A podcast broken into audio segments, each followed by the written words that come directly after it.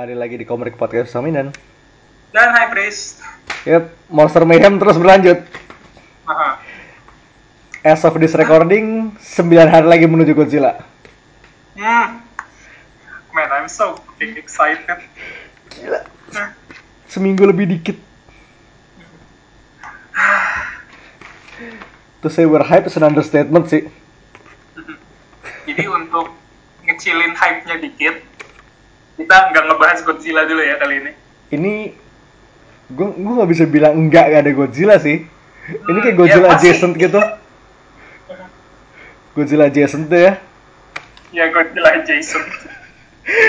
Jadi bahasan kita kali ini adalah sebenarnya salah satu house favorite juga sih franchise ya, Personal favorite Iya. gue sih ini sebenarnya. yaitu Kayak gue, hmm? ya gue rela dipanggil Furry demi suka sama ini.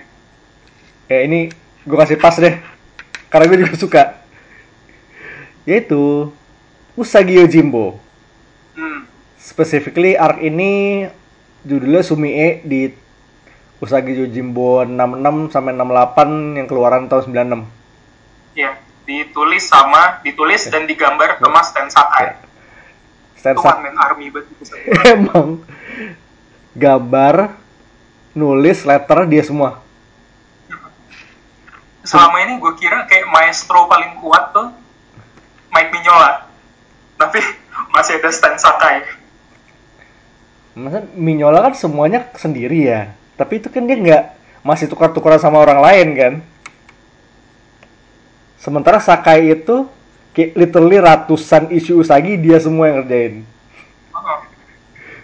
kayaknya nggak ada satupun isu Sagi yang bukan dia yang megang kan sepanjang gue baca sih gue belum baca semuanya jujur tapi gue nggak bisa inget di mana ada Usagi yang nggak digambar dengan stylenya Sakai Usagi yang nggak digambar pakai stylenya Sakai itu ya kalau lagi crossover aja sih sebenarnya Iya pokoknya di luar di luar crossover sama di luar fan art nggak ada yang nggak pakai style Sakai.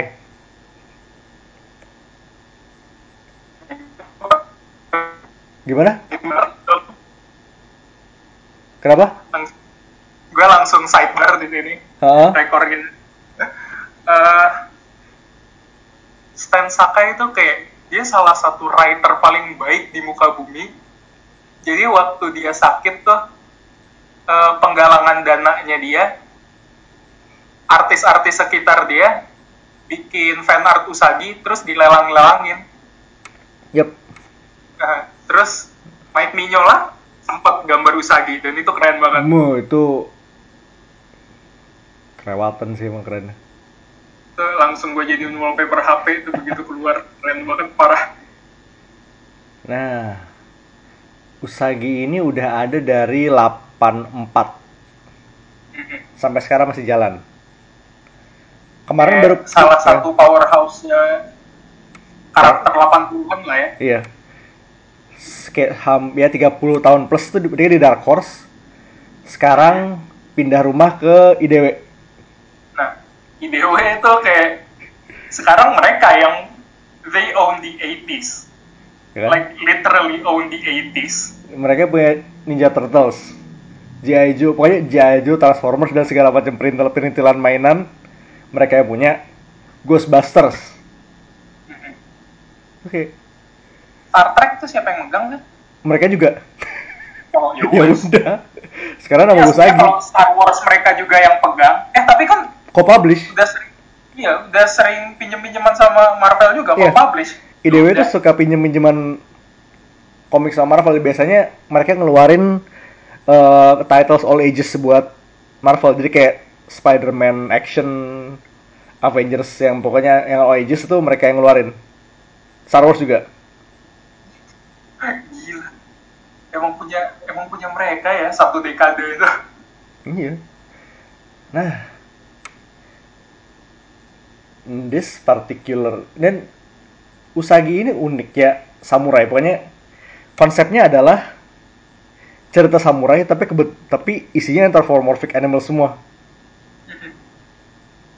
Dan ini juga nggak bukan cerita samurai lucu-lucuan kayak bener-bener legit samurai tale gitu iya kayak emang ada humor sana sini tapi kayak played straight.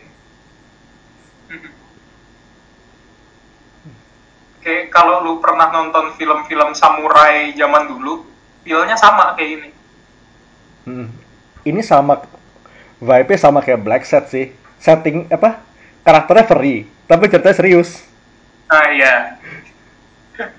ya itu paling bagus sih sebenarnya. Nah, dan di sini juga ya obvious influence-nya adalah mereka si Sakai ini dari film-film samurai, model-model pokoknya film dan media samurai lah. Baca lo mau sebut filmnya Kurosawa, lo mau sebut film Mifune, Lone Wolf and Cub, itu pokoknya dia udah lumayan ngambil referensi situ lah. Tapi ada beberapa Dan- referensi yang diambil dari Japanese media yang lain.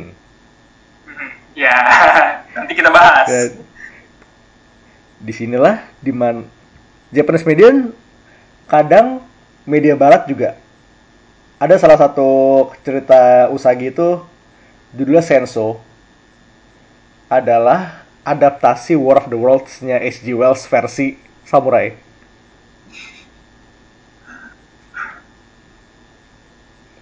Dari nggak ada matinya idenya.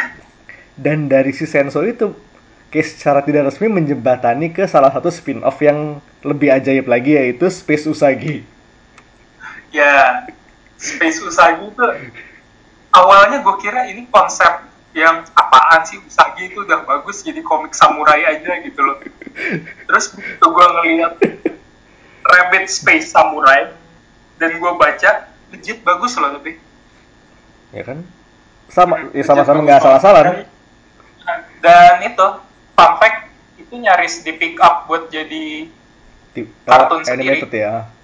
untuk sayang cuma tembus pilot doang sih. Hmm. Eh, bukan sayang sih sebenarnya, gue semacam bersyukur. Tembus ada pilot. bentuk. Uh, ada bentuk dan nggak dibuat wacky. Hmm. Kalau Usagi jadi wacky, gue sedih sih. Dan dari ranah animasi juga dia sering banget ketemu Ninja Turtles versi Nah, kartun. itu hobinya dia. De- debut dia di TV pertama kali itu ya crossover sama TMNT. Itu TMNT yang sisa tahun 87 kan? Aha. TMNT yang jadul banget lo tau lah. Terus Uh, 2000 Eastman sama Lair tuh emang temenan baik sama si Sakai juga sih ya. Hmm. Terus di yang 2003 pernah. Dan yang yang kemarinan yang 2012 juga pernah. Ya, dan dari semua crossover Usagi, 2012 tuh favorit gue karena rasanya beneran film samurai banget. Si Kintaro itu kan. Aha. Oh, bocah. Oke, itu kita bahas nanti. Sekarang kita fokus ke Masuk ke komik ya. Nah, tadi seperti kita sebut tadi ada referensi dari Japanese media selain samurai. Yaitu di sini referensinya adalah Kaiju Flix. Which brings us to this story. Sumie. Ti- Cuma tiga part pendek banget, tapi sangat berisi. dan karakternya di sini cuma dikit ya. Kayak hitungannya kayak ka- kalau bilang karakter apa tuh empat gitu. Dan basicnya adalah si Usagi ini yang bawa Jotaro. Tanda kutip eh ponakan. Ponakan tanda kutip. Iya. Ini kayak kalau lu baca Usagi nih, ini yang gue suka sebenarnya. Sampai sekarang Jotaro tuh taunya dia ponakannya Usagi. Nah, di sini ya pokoknya mereka traveling Ronin lah, traveling samurai. Dan kebetulan ancaman yang dihadapi di travel kali ini sedikit ajaib. Literally ajaib. Yang pertama mereka temukan adalah Kelabar Perang. raksasa. starting off strong. Starting off super strong. Jadi kayak pertama gue ini kayak pendek banget tuh kayak begitu lo baca, abis baca tuh gimana impression lo? Ini sebenarnya gue baru reread lagi tuh kayak beberapa hari yang lalu kan ya. Mhm. Terus gue baru inget, oh gue pernah baca cerita yang eh aftertaste-nya adalah gue suka sih kayak semua cerita Usagi itu menyenangkan buat gue. I can't I don't know what to say about this story because it's just fun. Kayak Hmm. semua cerita Usagi lainnya, tapi yang menyenangkan ya bumbu itunya, bumbu kaijunya. oh iya ini ekstranya dapat banget soalnya. Ini sebenarnya kayak salah satu cara kita buat passingan Usagi podcast. Iya. Eh, passingan Usagi podcast sih ya. Iya ini kayak emang pengen bahas Usagi aja tapi kayak kebetulan didomplengin sama Kaiju. Ketika bahannya ada, why, why the hell not? Aslinya nih ya, kalau Avengers eh kalau Avengers Month terus Usagi sempet crossover sama Avengers, pasti kita bahas juga Usagi. Sayangnya enggak tapi ya udah. Bukan enggak, belum. Bel- We'll see. IDW ya. There's Udah tunggu tunggu TMNT ketemu tunggu mereka ketemu sampai TMNT dulu deh. Dan dan dan we'll talk. ya, mini- minimal Daredevil di MNC Nah, itu dia. Ini kalau gue sendiri ya, gue kan eh exposure pertama gue ba- actually baca ke Usagi itu waktu itu sempat iseng beli buku yang terbitan Gramedia. Ini kayak Usagi Ah. pernah ada berapa buku kan terbitin MNC apa Gramedia gitu gue lupa. ada empat buku Hmm, udah terjemahan lah. ya udah terjemahan dan sayangnya berhenti di empat buku itu aja Empat dari sekian ratus isu. ya tapi dan itu pun empat sebenarnya bukan yang pertama diterbitin Gramedia itu bukan buku pertamanya Usagi. Kayak buku 17 ya? 17 apa gue nggak inget tapi kayak itu the- salah satu strong point Usagi sebenarnya lo bisa pick up dari mana aja. Ah, itu dia sebenarnya ceritanya bagus dan lo bisa pick up dari mana pun itu kayak gue nggak pernah nyangka ada orang yang bisa nulis cerita sebagus ini selain Stan Sakai gue nggak Hmm, gue juga belum pikiran lagi. Tapi emang nih ceritanya tuh nggak lepasan sih, lepasan tapi kayak berasa ada cerita besar di balik itu, kayak developmentnya pelan-pelan. Tapi kayak lo masuk dari mana aja tuh dapat. Iya. Dan sebenarnya itu nggak sih yang menjual Usagi banget? Kayak lu terjun dari mana pun, lu udah masuk dunianya Usagi. Ceritanya tuh kayak imers imersif banget. Lu diajak masuk ke dalam universe-nya dia, lore-nya dia. Lu seakan-akan jadi traveling companion-nya Nah, itu dia. Ini kalau gue track back sih paling gue baru gue baca adalah satu buku yang terbitan Gramedia itu Senso, The Hidden sama sekarang ini. Sama beberapa cerita lepasan lain.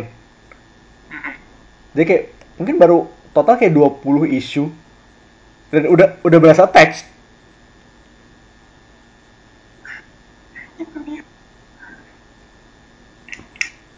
Usagi so Usagi so good.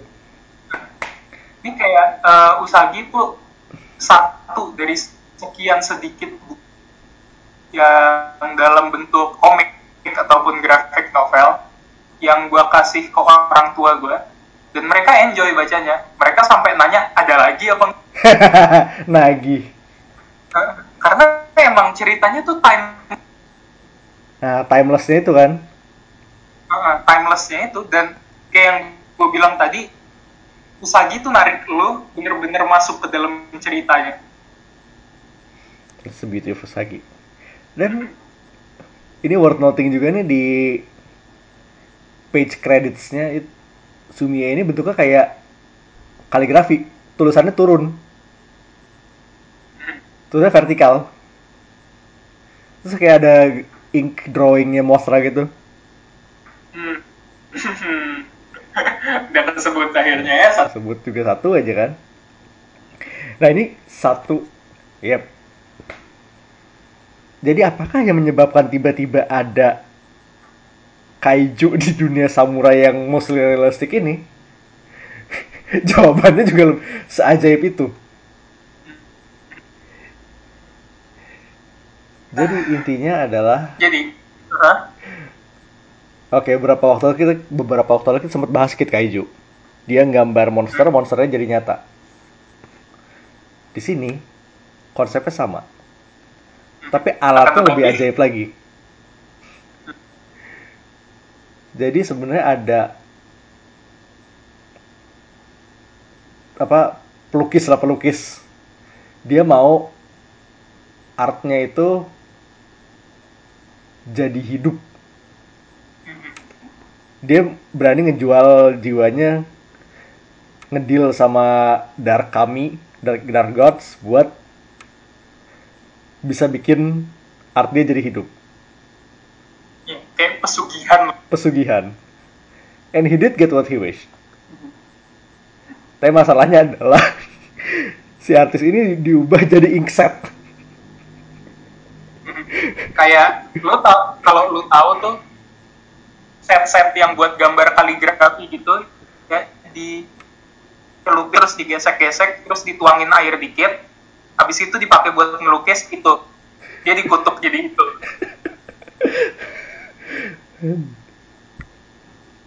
oke gimana ya Japanese gods are evil Ini tuh Jepang banget konsepnya. nah gimana ya? itu sebenarnya kayak deskripsi yang paling bagus sih Jepang banget Better yet, tintanya itu harus dibuat dari darah anak-anak. Mhm. Men. Nah jadi di sinilah si Usagi tuh ketemu apa, Demon Hunter sih. Iya, ini kayak udah pernah keluar di buku Usagi sebelumnya sih isu-isu sebelumnya. Hmm, Namanya Sasuke. The- apa ya? Dia punya ta- dia punya title kalau nggak salah Queller of Walah, tunggu. Kayaknya lo yang lebih tahu sih. Tapi ya ini si Sasuke ini kayaknya recurring ally-nya juga sih. ya dia dia tuh kayak yang gue suka adalah setiap karakter tambahan di walaupun cuman muncul di beberapa chapter mereka selalu leaving impression. Dan impressionnya Sasuke ini adalah Usagi tuh suka sama Sasuke. Dia kayak you're good. Eh, lo orang baik tapi gue gak pernah pengen ketemu sama lo lagi. Karena implikasinya adalah di mana ada Sasuke di situ ada masalah goib Yep. Dan masalah gue di sini adalah ini pas eh Jotaro sama Usagi lagi jalan ditodong maling, ditodong bandit. Nah, pas itu sih Giant Centipede-nya keluar lah. Datanglah Sasuke ngehajar si Demon Centipede pakai tanah, eh pakai panah.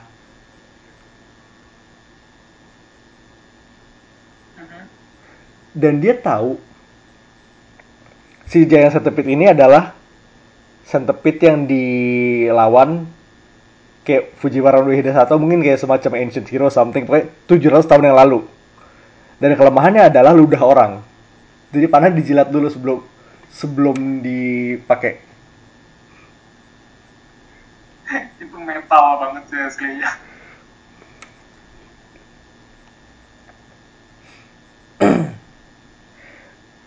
Nah, tapi emang ini hebat banget sih. Ini kayak kalau dari tiga isu ini ya, kayak let's say dua atau tiga momen yang menurut paling stand out ya apa? yang paling stand out buat gue ya yang pertama tuh ya waktu Gamera keluar Hmm, yes ada kamera kayak actual giant turtle. Mhm. Itu Disebut kapak sama mereka. ya dis- disebut kapal terus kayak gue nggak pernah ngelihat kapal yang kayak gini ini kapalnya luar biasa besar dan menyeramkan Ya jadi ini yang apa dalang yang masalah ini adalah namanya Katsushige. Dia yang pakai inkset ini dari tadi. Mhm. Master Katsuhige itu dia ya itu pengen apa sih dia Ya, dia nyulik anak-anak buat bikin bikin tinta lagi. ya buat bikin tinta lagi tapi apa ya ulterior motif dia tuh Wait. gue nggak inget kayak kayaknya itu deh emang nggak dijelas terus di akhir emang insetnya tuh Inksetnya kenapa? Insetnya tuh jahat Eh, ah itu dia. The evil yang inkset. bisa Here we are.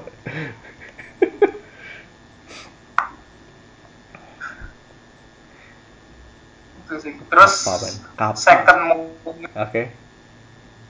eh tapi belum kelar itu momen begitu Gamera keluar dia dilawan sama Ghidorah Di- jadi si Sasuke tuh ngesummon Ghidorah. Kayak dengan magic powers dia. itu sebenarnya yang ngeselin ada nges summonnya tuh butuh waktu lama jadi dia nyuruh Usagi kelinci yang sekecil gitu buat nge- ngelawan Gamera ini diversion. Lu bisa ngapain? terus ya udah dia akhirnya kayak sembunyi di hutan bambu ya habis itu Iya. tuh ngeluarin Gamera eh Gamera Ghidorah Dan ini Ghidorahnya tuh ada kayak influence Chinese Dragon nggak sih? Mhm, iya karena berkumis gitu kan ya Iya. Ini kayak Shenron kepala tiga gitu. Heeh. itu deskripsi lu keren banget itu metal banget Dan maksudnya kapan lagi lo bisa lihat Ghidorah lawan Gamera gitu? Mhm. Habis itu second favorite moment gua eh, waktu Usagi gambar Godzilla. itu money itu money shot money shotnya di situ sih. Iya. Itu langsung all hell breaks loose-nya di situ. Terus begitu Usagi gambar Godzilla itu dia ditanyain sama Sasuke, "Ini apa lo gambar apa?" Dibilang teman lama gue. Itu ada callback ke isu Usagi yang lama. Gue lupa ceritanya tapi ya mhm. ada kadal. Mhm, kadang Usagi biasa. Dan lucunya di sini dia gambar gambar kecil banget. Usagi tuh gak bisa gambar. Ini coretan bocah. Heeh. Terus as if that's not enough kayak ini pas dia ngerawu tuh suara banget. Dan di sini si Godzilla-nya Usagi ini ngelawan samurai raksasa yang digambar Katsushige. Stone golem samurai gitu. Stone Majin Giant. itu kedengerannya keren banget gak sih Stone Golem Samurai nah, kayak nama kartu Yu-Gi-Oh itu epic banget sih. third favorite moment gue tuh ya Jota yang dia cut Kabur sendiri dengan kekuatan sendiri. Eh, Jotaro kabur tuh dia kabur dari penjaranya pakai itu kan shuriken Pakai shuriken. ya shurikennya tuh ngambil dari eh siapa sih love interestnya Usagi tuh lupa gue Ah, what's her name? pokoknya dari si cat lady itu Hmm. Dipakailah buat itu motong bars suka ya. sebenarnya di Usagi itu kayak kayak hal-hal kecil kayak gini yang ngebuat ceritanya tuh believable banget Hmm. Gini, kayak kalau misalnya lo nggak baca, oke kayak world buildingnya bagus. Kalau misalnya lo baru ngikutin dari sini. Tapi kalau lo udah ngikutin dari dulu, itu lebih powerful lagi. ya makanya man fucking love Usagi lo gimana Nah, dari momen favorit lo? Oh, yang gede-gede udah kemakan semua, tapi ya sorry sorry sorry apa nggak apa. Tapi eh kabur Jotaro ini kayak bener impresif banget sih karena dia nggak nggak butuh bantuan Usagi. Heeh. Dia kabur tuh ngebawa kayak bocah kayak 6 6 5 apa 6 bocah gitu ke hutan. Dikejar-kejar anak buahnya si Katsushige, ya si Ninek Ninek. eh ne Neneki Neneki Nenek itu dia. Neneki sama dia kayak bawa di- apa dinosaurus kecil itu. Teman dia Oh iya. Jadi kayak di dunia Usagi ini kayak ada dinosaurus binat equivalent binatangnya itu dinosaurus. Aha. Kayak eh, yang menarik tuh adalah di Usagi hewan mereka cuma ada setahu gue ya sepengamatan gue sejauh ini ikan kadal tokage dinosaurus dinosaurus kecil itu sama kuda Nah, kalau kadal kadal sama ikan tuh kayak Rose gue masih ngerti, tapi kayak tiba-tiba kuda gitu. Iya. tapi ya udahlah, dunianya dia. So, ini gue inget karena waktu itu di buku yang lu bilang tadi, yang lu baca, Uh-uh. yang diterbitin di media, yang Shades of, Shades of Death, itu tuh mereka sempat crossover sama itu kan cerita pertama, literally cerita pertama buku itu keluar di TMNT. Hmm. Keluar TMNT terus si Donatello tuh dia pointing out ini dunia ajaib banget. Kelinci bentuknya antropo antropomorfik. Badak antropomorfik tapi kuda enggak. Doni aja ng- pointing out the obvious gitu. Ah, Nah, terus itu, oh, ini balik ke battle yang sebelum si Zilla nongol. mhm. Sasuke ini Kamehameha si Majin Giant ya? Mhm, iya beneran kami ame Men. Tapi Sasuke ini kayak bener-bener yang sekali lo nonton lihat dia sekali di sini kayak impression udah keren banget. Punya energy shield juga. Dia kayak Doctor Strange-nya Usagi Kayaknya sih.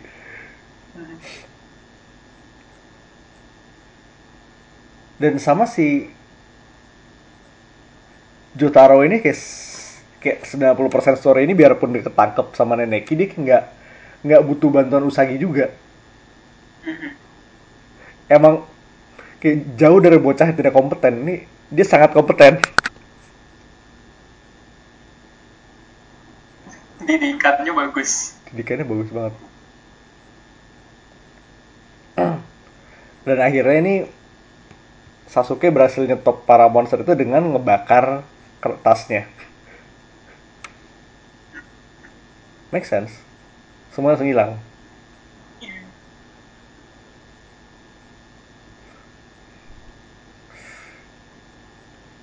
Dan ini endingnya sebenarnya lumayan nggak lumayan gak disangka juga sih. endingnya gantung bikin lo kayak ini bakal gimana gue harus tahu kelanjutan that's the beauty of Usagi emang Tapi nutupnya tuh nutupnya tuh sudden tapi make sense juga karena udah di setup dari awal. Mhm. Jadi si Katsushige ini lari ngebawa inksetnya. Tapi pas setengah jalan dia disabet sama si bandit yang di awal cerita nodong Usagi. Mhm. Dia mati, inksetnya diambil tuh kayak langsung kelihatan evil influence-nya mulai bekerja lagi. Lang- ya langsung mendadak kelihatan possessed gitu Dan itu ada satu hal lagi yang gue notice dari Usagi nih. Ini kalau mati selalu ada tanda skullnya. Kayak ada ya mhm. dan itu selalu disesuaikan sama spesiesnya Itu dia lucu sih tuh. Jadi jadi kayak kalau Si yang ini kan kucing ya? ya Katsuhige itu kucing Dia bentuknya kucing. dan waktu di awal tuh si monster kelabang mati bentuknya tengkorak kelabang padahal kelabang juga bertengkorak enggak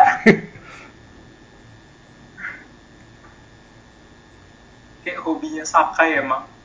Dia tuh ka- kalau gua nggak salah ya. Hmm. dia kalau nanda tanganin sketch tuh juga kayak gitu. Oh, the more you dia know. bikin tengkorak karakternya. The more you know. pokoknya dia punya dua itu deh dua signature. Satu tuh kalau dia bikin commission buat orang dia gambarin tengkoraknya. Dua ya itu gambar kelinci usagi maskotnya website dia Ah, oke. ya lo tau kan yang cuman bulat ada kuping terus mulutnya segaris gitu Itu emang signature dia kan emang. nah itu signaturenya dia Usagi rasa haro. bisa diharu lucu sih that's what I hate Dan terus ini pas ini pas banget udah mau kelar ceritanya. Pas si Jota, Jotaro kan nih kabur dari Nen- Neneki kan posisinya.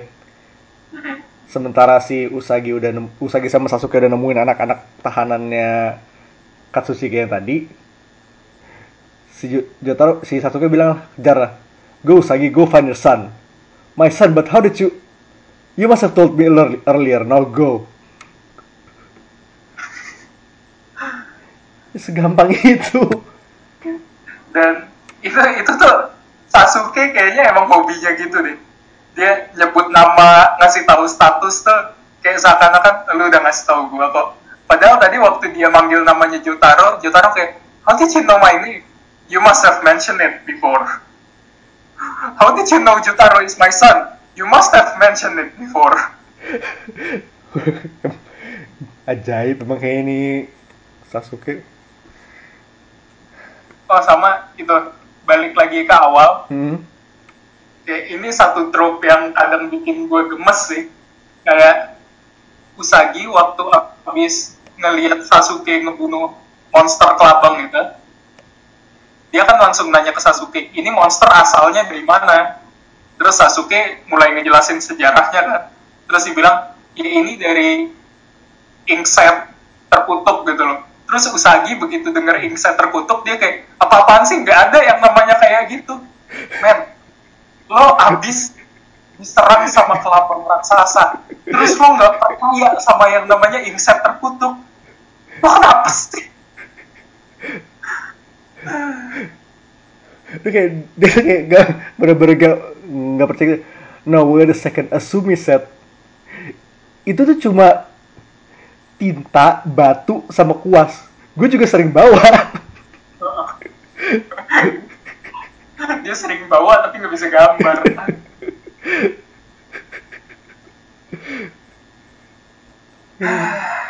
Hidupnya terlalu lurus emang. itu sebenarnya yang di media apa pun orang-orang skeptis kayak gitu itu yang bikin sebel Ya, kebetulan si, si kali ini ya emang karakter utamanya. Heeh. fucking Usagi. Tapi ini emang satu trope yang nggak bisa di nggak bisa lepas dari kayak selama ada komik tuh pasti ada aja ini. Pokoknya properti sama properti ketemu crossover. nah iya Apa iya tri- trope wajib. Dan kayak nggak harus ya dulu crossover kalau lu bilang crossover dulu paling inter publisher lo misalnya X-Men ketemu Spider-Man. Itu a big thing back then. Tapi sekarang kalau mau bikin crossover gede lo hajar publisher ketemu publisher. Apa TMNT ketemu Batman. Usagi ketemu TMNT. Nah, ini kayak dari sekian puluh crossover di komik nih yang dari benar-benar lintas company itu lintas company atau intra publisher tapi masih lumayan aja premisnya kayak misalnya Transformers ketemu Jaijo favorit lu kayak let's say dua favorit lu apa? Hmm apa ya? Sebenarnya lo tadi udah nyebut Usagi Usagi ketemu TMNT itu itu all time favorite gue sih hmm. tapi kalau aside from that nih ya eh waktu crossover terbaik menurut gue Aha. in recent memory ya itu mergingnya Hasbro Hasbro first Hmm, Transformers itu ketemu besar G.I. Joe ketemu Action Man kan itu besar eh, kita udah dari dulu kayak udah implied kan G.I. Joe sama Transformers satu universe Mhm. Tapi di situ kayak bener-bener solidify jadi satu dunia sendiri Iya. Dan bahkan ada Transformers yang join ke G.I. Joe gitu. nah itu di eh, briliannya ada di situ Mhm. cashnya tukar cash pertukaran cash juga ada Transformers masuk G.I. Joe ada agen-agen Joe masuk dari cash Transformers Mhm.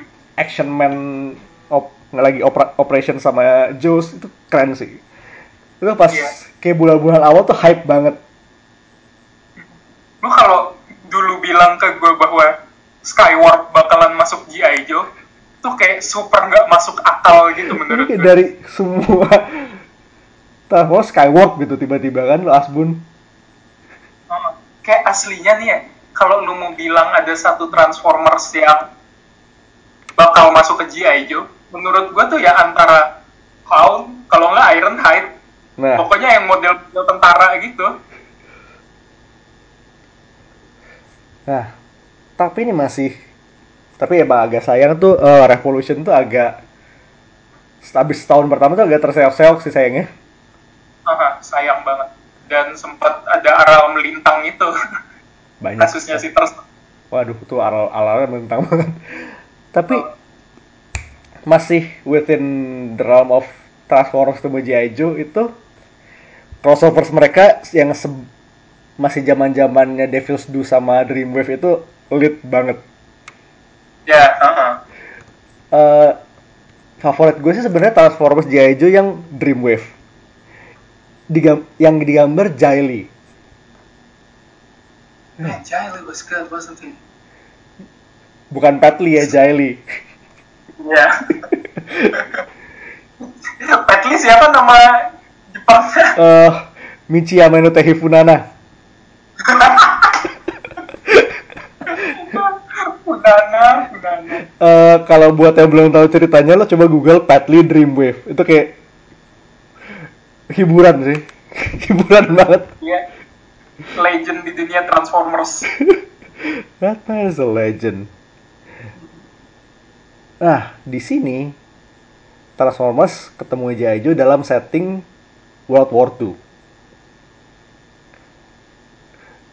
Dan itu konsepnya ajaib tapi gue suka banget.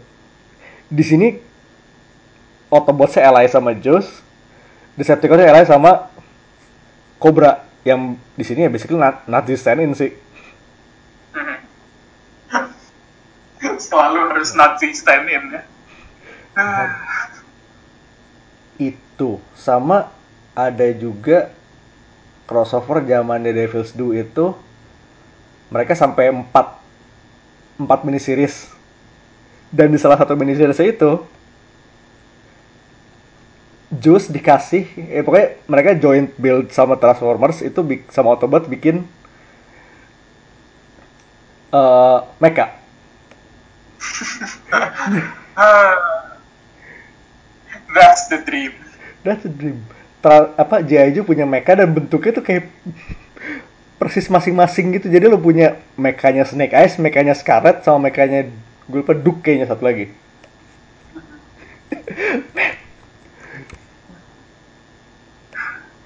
Itu emang bagus banget sih. The good old days. Tuh, ya tuh. Itu kan tadi dari lu satu ya, si Dari lu udah satu, gue lagi nih. Wait, dari gue tuh sebenarnya itu setengah sih karena udah udah ke- keulang juga tadi. Ntar gue nambah satu lagi deh. Lu nambah satu lagi. Dia gue nambah satu Gua- lagi. Oke, lo dulu deh. Gue aslinya pengen nyebut Batman TMNT, Mm-mm. tapi itu udah obvious banget. Jadi ini gue kayak inilah ya crossover masih satu publisher juga, Ha-ha. tapi dibilang crossover juga enggak. Ini theme-nya eh ini theme-nya aneh banget. Oh, kalau lo udah dwelling di IDW lumayan lama, lo pasti familiar sama yang namanya infestation. Hmm. Uh, uh, Infestation yes. 2 tuh Infestation 2 tuh favorit gua karena ini Lovecraftian horror. Mereka kayak eh, teleporting through dimensions gitu. Mereka ngedatengin franchise-franchise-nya Dia pada yang saat, dimiliki sama IDW. pada saat itu Jadi- ya 2012 kan. Ya 2012. Jadi kayak monster-monster macam Zulu, ketemu TMNT, terus ketemu Transformers, ketemu Ghostbuster, itu ajaib banget parah. Ini kalau kalau lu mau eh, semacam referensi gimana ajaibnya si Invasion 2 ini adalah Transformers TMNT, G.I. Joe, Dungeons and Dragons, Hmm. sama 30 Days of Night. Ini kayak tiba-tiba bek 30 Days of Night. Dan yang gue suka banget sih ya di sini, yang infestationnya Transformers, mereka nggak ngambil Transformers yang biasa, bukan Optimus yang sekarang, Bumblebee yang sekarang, bukan. Mereka tuh make itu, make Transformers yang Hearts of Steel. Hmm. Jadi itu Transformers yang ada di Revolusi Industri. Nice. Victorian steampunk Transformers. Uh, itu kalau gue nggak salah di Bumblebee itu partnernya John Henry. John, as in that John Henry. As in that John Henry. Holy terus fuck. ya terus mereka dibantuin sama Tesla buat ngidupin Optimus Prime. Tesla. Pokoknya ajaib banget. Hearts of Steel tuh menyenangkan. Man. Hearts of Steel tuh habis itu fact di itu di confirm ternyata masih satu continuity sama Transformer yang sama. Wow. Jadi ternyata selama ini tuh kan krunya Hearts of Steel tuh soalnya sama persis. Isinya Bumblebee, Optimus Prime, Gengnya sama lah ya. ya intinya sama lah. Ternyata selama ini mereka crash land di bumi waktu revolusi industri tuh mereka bukan Optimus sama Bumblebee. Mereka kebetulan bentuknya sama dan waktu mereka crash land mereka lupa ingatan. Jadi begitu mereka nemu message dari Bumblebee, Optimus dan kawan-kawan, mereka kayak oh itu pasti gua. Mereka nyolong identitas jadinya. That makes sense. Nah itu sih gua, dari gue infestation. Oke. Tapi ini Hah? kalau mau track back dikit ke Invasion 1 ya. Mhm. Ada Star Trek juga ketarik. Hmm. Star Trek versus Zombies. Ah, gila. Infestation is a good event. IDW is... Hmm. Nah dari gue sih satu yang stand out banget. Ini sebenarnya jawabannya basic, kayak super basic. Marvel versus DC di tahun 90-an. Kayak JLA Avengers sama Marvel versus DC. Itu berbekas banget di otak gue. Ya sama. Waktu itu masih diterbitin juga ya di. PMK. PMK ya? PMK. Oh, just as we, as we speak, gue nemu bukunya di sebelah gue.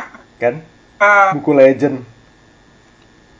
Dan itu maksudnya itu kayak dari sejak lu tahu komik tuh kayak ini gimana ya kalau si ini lawan ini tuh kayak pasti lo pernah kepikiran kayak nggak mungkin nggak oh, itu pasti. Karena hobi orang di internet juga gitu. Ngadu karakter publisher ini sama publisher ono. dan di sini kejadian beneran dengan hasil yang lumayan ajaib sih Iya. dan hasilnya dan pas lihat amalgam tuh dan itu by product itu by product by far by product terbaik sih Iya. fucking amalgam Dark Claw. Dark Claw. apa Bruce Wayne Agent of Shield Agent of Shield man Lobo the Duck itu the best sih Sa- Sama itu apa sih? Eh, Super Soldier. ah sama dari gue satu lagi adalah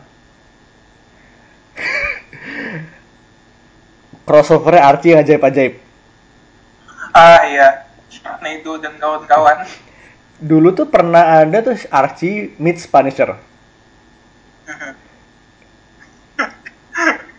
itu legendary yang gue suka dari Archie meets Punisher adalah semua karakter Archie, style gambarnya masih Archie, Punisher-nya doang yang beda. dan kalau nggak salah tuh plotnya tuh si Frank itu lagi nge-track kriminal yang kebetulan mukanya mirip Archie kan ya? Iya kalau gue nggak salah sih. iya. Dia nggak lagi nge-track kriminal yang ke- mukanya kebetulan mirip Archie. Oh sama itu sih. Archie versus Predator. hmm, Archie vs Predator. Itu itu dua properti yang harusnya nggak ketemu. Sama bisa ketemu. Hasilnya tuh ajaib banget dan somehow gruesome. Gue ingat ada panel di mana Predator ngebunuh Sabrina the Teenage Witch. Eh, kayak 90% cast-nya Archie mati di situ. Dan matinya berdarah-darah. It was fucking brutal. Bakal ada sequelnya by the way. Uh-uh. Sama oh Archie vs Sharknado ini ada ada ceritanya. Jadi gue sempet ngobrolin soal Ar- soal Archie crossover sama teman gue. Mhm.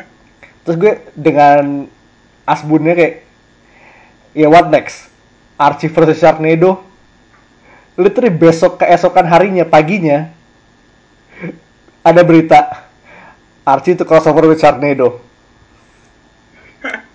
Ucapanmu adalah dulu ya. Speaking itu di universe. Dan itu masuk gila itu sih. Dan Oh sama. Itu deh gue lu kan nambah satu gue nambah satu juga deh. Hmm, gue itu crossover. Ini agak underrated sih menurut gue Eh, DC ketemu Top Cow. Darkness Batman ya. Dan lain-lain ya itu. Darkness. Oh, ya Darkness Batman sama Wonder Woman ketemu Witchblade. Sempat keluar di itu juga kan di PMK. Ya kayaknya pernah juga di, di PMK Ya, gue inget, gue, gue inget banget lihat covernya Darkness Batman tuh yang si Batman berdiri as gargoyle. oh ya terus di bawahnya ada Darkness jongkok Ah, yep. Ya ya ada ada ada.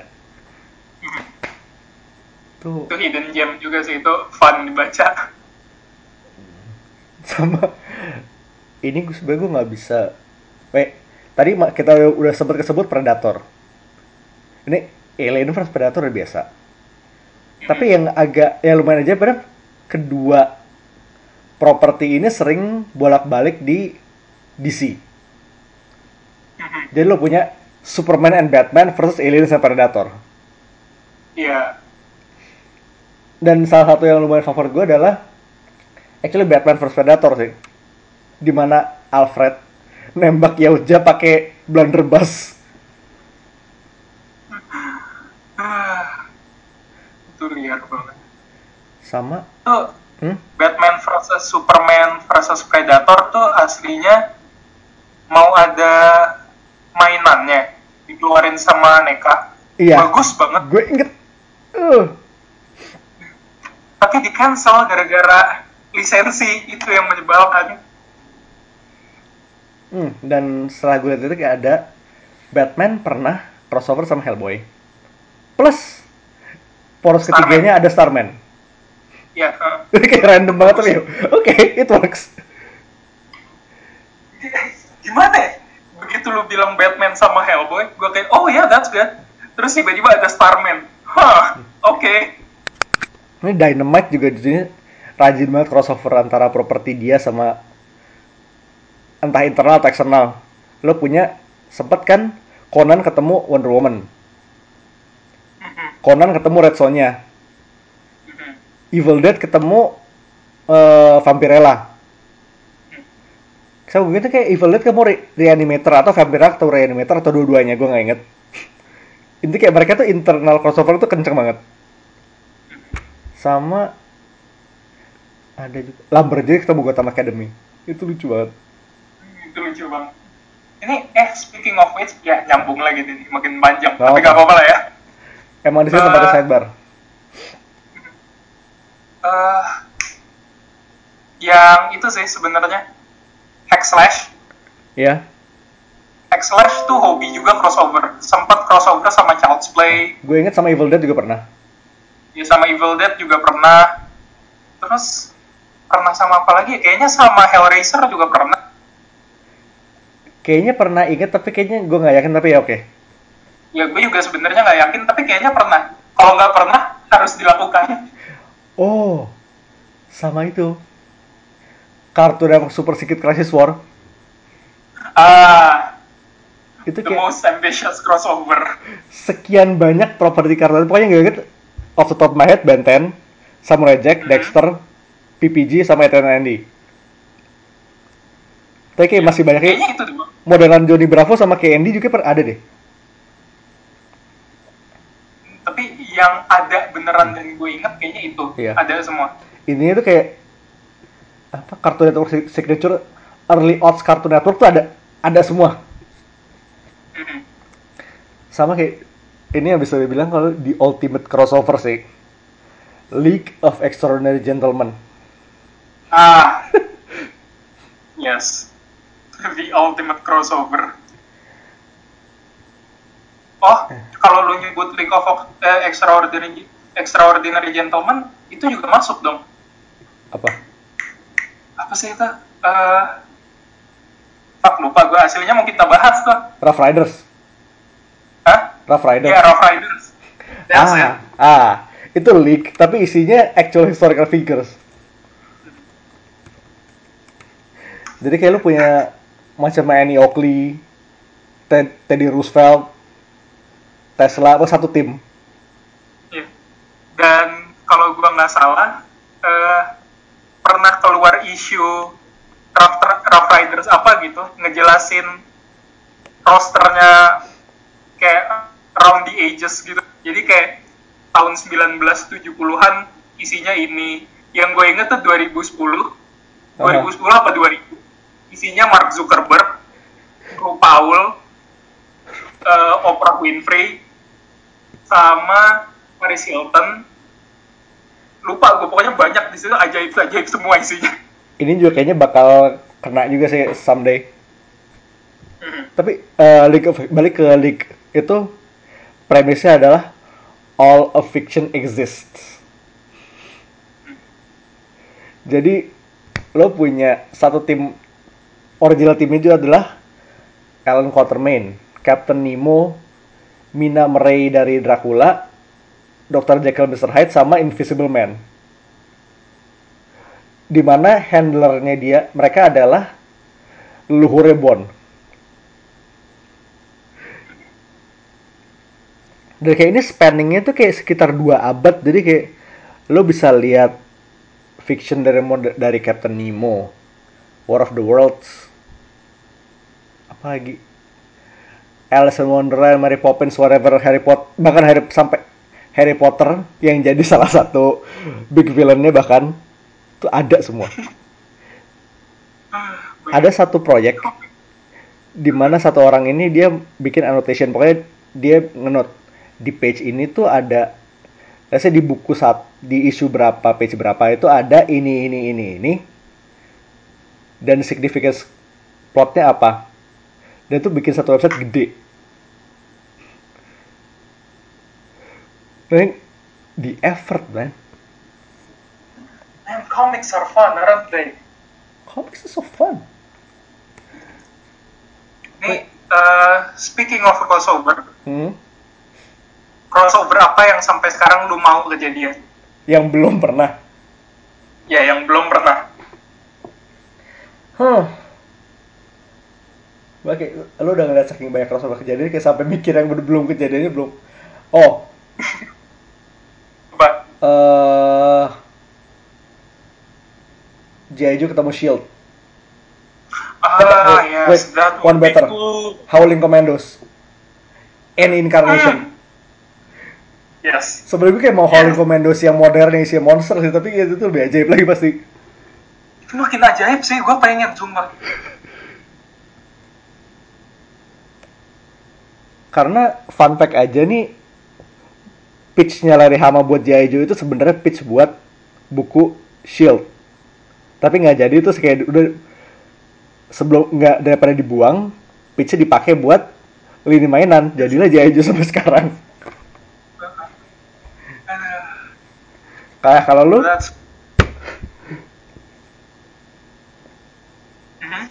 nah kalau lu Dream crossover, Dream crossover ya? Gue udah obvious sih sebenarnya. Dari dulu udah gue sebutin dan gue masih mau sampai sekarang. John Constantine, Elsa Bloodstone, Hellboy. Hellboy. hmm, itu three way-nya Mereka bertiga paranormal investigators. I'm game. I'm so game. Ini sebenarnya kalau mau crossover agak aneh lagi. ya sebenarnya kayak Mhm. Yang gua agak heran belum kejadian padahal udah ada di situ. Marvel ketemu Star Wars. Mereka udah ketemu Star Trek. Udah waktunya mereka ketemu Star Wars. Nah, itu dia. kalau dibikin canon di satu universe gue pusing gitu. Oh, ya minimal seenggaknya satu multiverse lah. Uh, tapi kayak udah berapa banyak kar- karakter Marvel yang nge-reference Star Wars Nah, tapi in that same vein, inget Doom itu Trekkie. Dan Marvel Universe pernah ketemu sama Star Trek. oh iya uh Man Doom is a fucking nerd Emang. So many crossovers. Oh, tapi sebenarnya gue merasa agak aneh karena Marvel pernah crossover sama Transformers. Mhm, In fact, G.I. Joe sama Transformers dulu kan punya Marvel. mhm. Yang gue heran adalah selain kayak cameo-cameo kecil, G.I. Joe belum pernah ketemu belum pernah berinteraksi sama sekali sama karakter Marvel. Selama 30 tahun belakangan ini. heran ya kenapa belum pernah tapi nge-reference Moon Knight pernah Iya, reference mulai pernah dan waktu itu ada eh, tukang koran, tukang korannya J- Jameson. Oh Iya. the more you know Tapi ya siapa tahu kan IDW sama Marvel juga kan toh mereka kayak tight lah. Mhm. Sebab IDW ini kayak ke DC deket, ke Marvel deket. Jadi kalau misalnya mereka tiba-tiba bridge-nya di sama Marvel Heeh. Jadi kalau misalnya tiba-tiba three way Daredevil TMNT Batman, gue gak heran sih. yes I'm all in for that Sama ya yang ini, crossover yang upcoming kan. Vs Godzilla Hmm. round 2. ah man yes Man, fucking monster verse, man. Fucking monster verse. oh. Ah ya sebenarnya gue pengen ngebak ya, kayak gue pengen nanyain crossover. Menurut lo crossover pa- paling gagal apa? Just to mention Dark Universe. Man, itu wasted banget. padahal castnya udah ajaib gitu loh. Masa lu punya cast tuh bagus banget. Itu be satu hal satu saving grace dari dari dari The Mummy itu adalah eh, Mr. Hyde Russell Crowe itu bagus banget. ya itu bagus banget dan yang sebenarnya gue penasaran pengen lihat tuh yaitu Invisible Man-nya Johnny Depp kayaknya dia banget gitu loh. uh, nyentriknya tuh dia sama si itu kan Dwayne Johnson mau jadi werewolf. Oh shit. Swole Wolf. dan What? put this in your head man someone werewolf Maksudnya lo bayangin dia berbulu tapi ber- ada tato tato samuannya itu, tato tribalnya. hmm, that, that is fucking dope Enggak, gimana ya kalau werewolf tuh teriak cuman au gitu doang Tapi kalau Wah. Kalau tiba-tiba dia teriak can you smell Ini balik lagi. what the wolf is cooking Ini lo balik itu lagi ya, Drog sama Roman Reigns. Oh man Ya sebenarnya kalau sebenarnya yang gue tungguin adalah tiba-tiba taunya film maminya Brandon Fraser itu canon gitu kan Dark Universe. Mhm. Kayak, There's no reason it shouldn't be. Toh settingnya jauh ini kayak kesebut dikit aja nggak apa-apa. lo itu lo udah pernah nonton episodenya Vaccine yang itu belum sih yang dia bilang harusnya di Dark Universe yang baru Van Helsingnya Brendan Fraser Belum, but I should. jadi, jadi kayak dia bilang Van Helsing tuh harusnya bukan nama satu orang itu title yang diturunin dari masa ke masa abis setelah Brendan Fraser facing the mummy dia direkrut jadi Van Helsing Oke, itu That makes sense. That makes a lot of sense. menarik. Although sebenarnya gue pengen Van Helsingnya tuh tetap Hugh Jackman. Man, Dark Universe tuh big play tapi sayangnya ya begitu. Mhm. Padahal sebenarnya emang gue sebenarnya pengen ngarep tuh gara-gara Dark Dark Universe sukses. Marvel sama DC tuh harus upping their monster game. Dan horror game. Jadi kayak tiba-tiba lo punya Marvel Horror Verse Blade, Bloodstone, whatever, Morbius, Morbius ya itu standalone tapi ya udah kita masukin aja. Hellstrom. Dan DC kayak move horornya udah mulai jalan dengan Swamp Thing. Iya. Sebenernya gue pengen Animal Man dengan vibe-nya Swamp Thing. Oh man, that would be dope as hell. Kayak model-model Red-nya Divinity Or better yet, vibe-nya kayak Swamp Thing lu tambah-tambah Doom Patrol. Morrison-ish gitu. Gue gak keberatan banget sumpah. Oh, boy. Ini kebanyakan ngarep sih emang tangentnya. But Yaudah, it's fun. kita berhenti. It's fun. Kita melalar makin panjang. Demi dan minggu depan office ini kayak udah hamin berarti by minggu depan tuh udah hamin tiga hamin dua Mhm. Godzilla office kita bakal bahas Godzilla Ya, for sure. dengan sekian banyak bukunya kita masih bakal decide. Tapi I think it'll be one, one hell of a time. Ban- karena milihnya ya jujur aja bingung. Betul sih. Dan pasti spoilernya ada ini kalau Godzilla nggak ada spoilernya sih sayangnya sayang banget soalnya. Mhm. so. Ah, man, so super excited. Super excited. So we'll see you next week. This is Mindan This is High Priest. signing off. Peace. out